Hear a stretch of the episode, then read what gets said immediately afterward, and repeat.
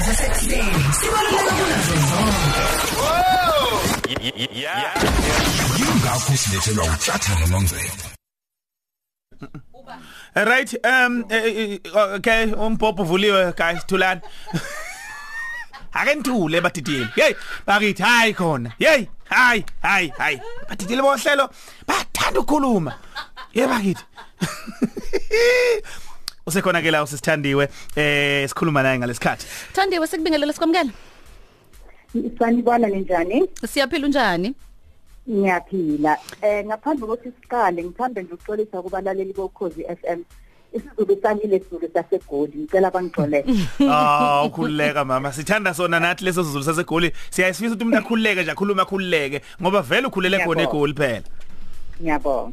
Thandiwe u- umntwana wakho une cerebral palsy. Sithe asikhulume nawe namhlanje njengomzali eh wengane ekhubazekile. Isikhathi esiningi siyisibheke lento sibheke eh abantu abasebenzayo nababona bengathi bancishwa amathuba njalo njalo ngenxa yok- yokukhubazeka nokuphila nokukhubazeka.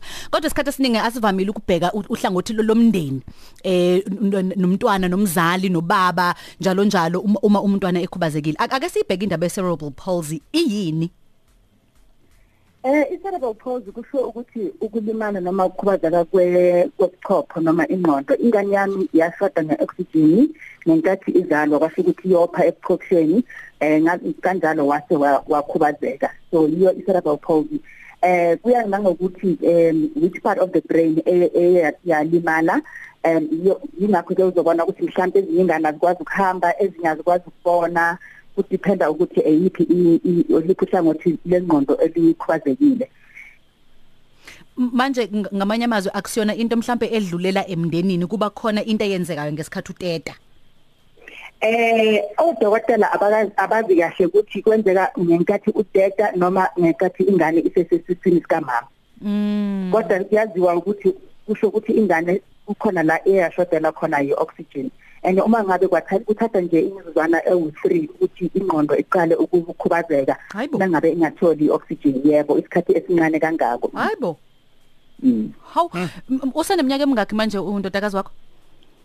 U- indodakazi yami igama lakhe unombuso usena-8 years u- uneminyaka eyishagalombili U- uphuma e- esibhedlela a- a- ufika uphethe umntwana abantu basebethi oh kade wenzela ama baby shower kumnandi kunje abantu bezokubona eh wateta. Lowo muzwa abantu sebe ngoba n- umuntu uzofika ezothi hawu mangizobona ingane. Mayifika bese hawu oh kwenze njani?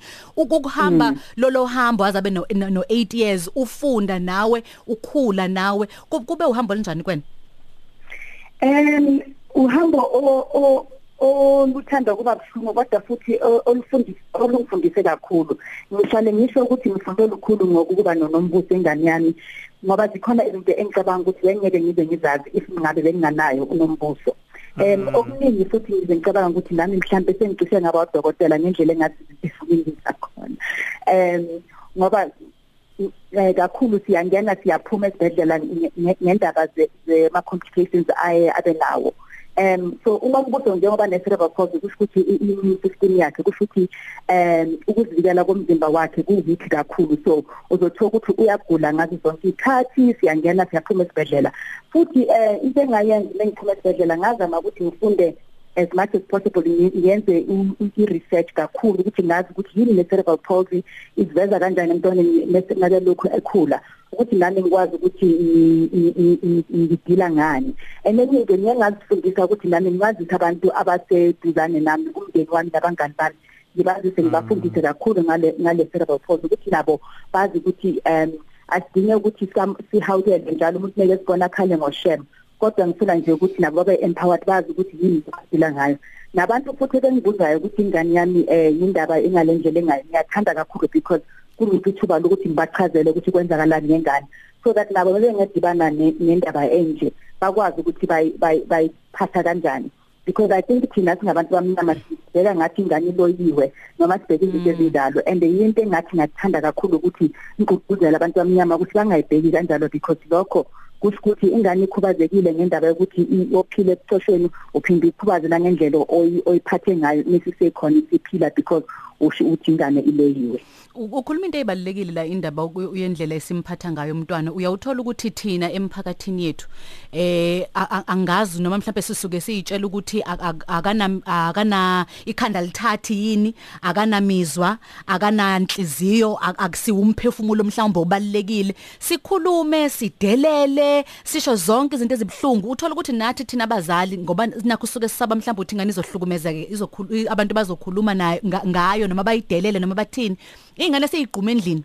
Hey. sihambe siye Hey, bhishi hey, simshiye endlini umntwana. Sihambe siye kuphi kuphi. Khona nje umunye umama we- wekhathide eh beyayafika nengane yakhe ihamba nge besekhulile lo mfana. Ang- angisamboni manje kodwa ngicabanga ukuthi fanele ubula ko 18 years. Um- um- mhlawumbe unyaka uphelile ngamboni. Futhi ngigcina umbone no 16 17 uma wakhe befika naye kwi wheelchair yakhe ese ephethe sele cerebral palsy naye. Yeah. eze naye ejimini ajime umama ula um- umfana wakhe uyamxoxela ukuthi umama wenza ukuthi wenza ukuthi wenza ukuthi.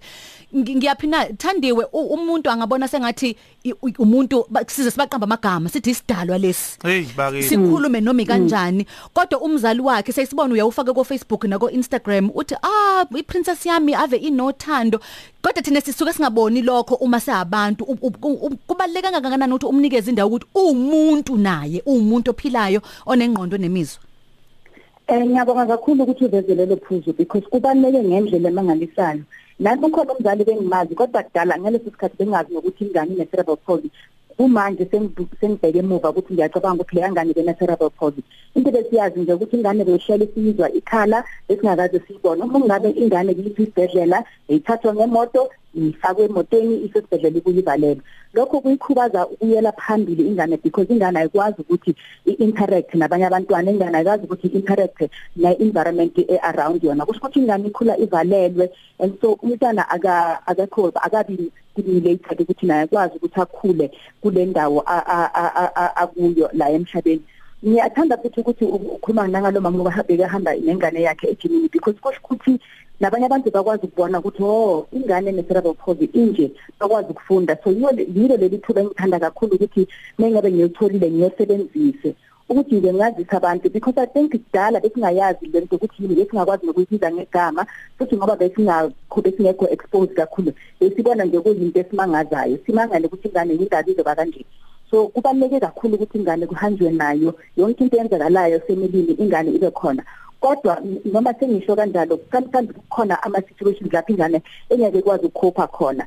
Eh i- isibonelo kuse- ngengane yami ukuthi lapho kunabantu khona abaningi kakhulu mhlawumbe kuneziqembu zabantu akakwazi ukukhopha uzesane nje a a shut it down athi ngesinye sibeka kanjalo. Athula athi do because i think u- uvele abe overwhelmed yabo? So umzali noma isimo kuphuma nengane fanele akhethe ukuthi uhamba nayo ukuthi ukuthi ingaqhubeki futhi ingane ibe ihlukumezeka ngendaba yesimo sengane.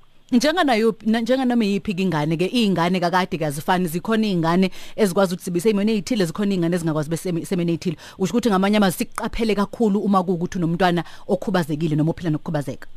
Yebo yebo yebo. eh thandiwe i- i-blog yakho isekhona? Yho nomnabo uveza indaba engifuna ukuyiqala kahle futhi kulo nyaka omusha eh, ozayo? Because ngayeka ngenxa yomsebenzi o but ngiyazama futhi ukuthi ngiyikhulise because ngiyabona ukuthi beyisiza kakhulu abantu abaningi so izoqala futhi next year. Okay. Thandiwe sibonga kakhulu ukuthi ube nathi eh kwanomsakazo khozi ngiyacabanga ukuthi baningi omama nobaba abafundile kuwena nabantu nje emphakathini ukuthi umuntu eh noma umntwana okhubazekile umuntu lo umuntu nje ophila onomphefumulo onengqondo nenhliziyo u- inyama esuka ithikamezekile Ngiyabonga kakhulu ngiyabo phambi kokuthi ngihambe ngicela nje nokucela ukhona imindeni sokuthi ufisi uba nengane bese imindeni bathi hayi thina la ekhaya siyazi into enje.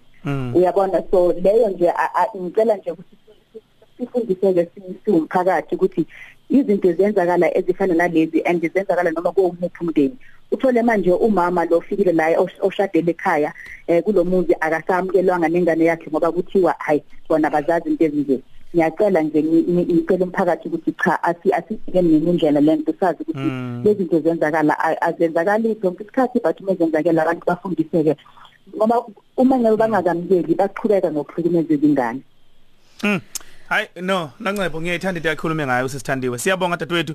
Eh uqhubeke nje u- ube isibonele esihle nakwabanye u- ukuthi uma ngabe i- ingane eh, izalwe ikhubazekile akusho sefanele ikhishwe inyumbazana idinga ukubonisa uthando izizwe ikhululekile ngoba ilokho nabo kubenza bayibone beyabantu ababalekile eh hayi ukuthi bakhishwe inyumbazana noma bathathwe ngendlela engafanele. So ke siyabonga ukuthi ube isibonele esihle ngalokho. Uqhubeke nje wenze njalo dadewethu ngoba nakwabanye futhi baningi abafundayo kuwena ukuthi ingane isuke zinokukhubazeka siphathwa kanjani. Ngiyabonga kakhulu. Sibakhulu dadewethu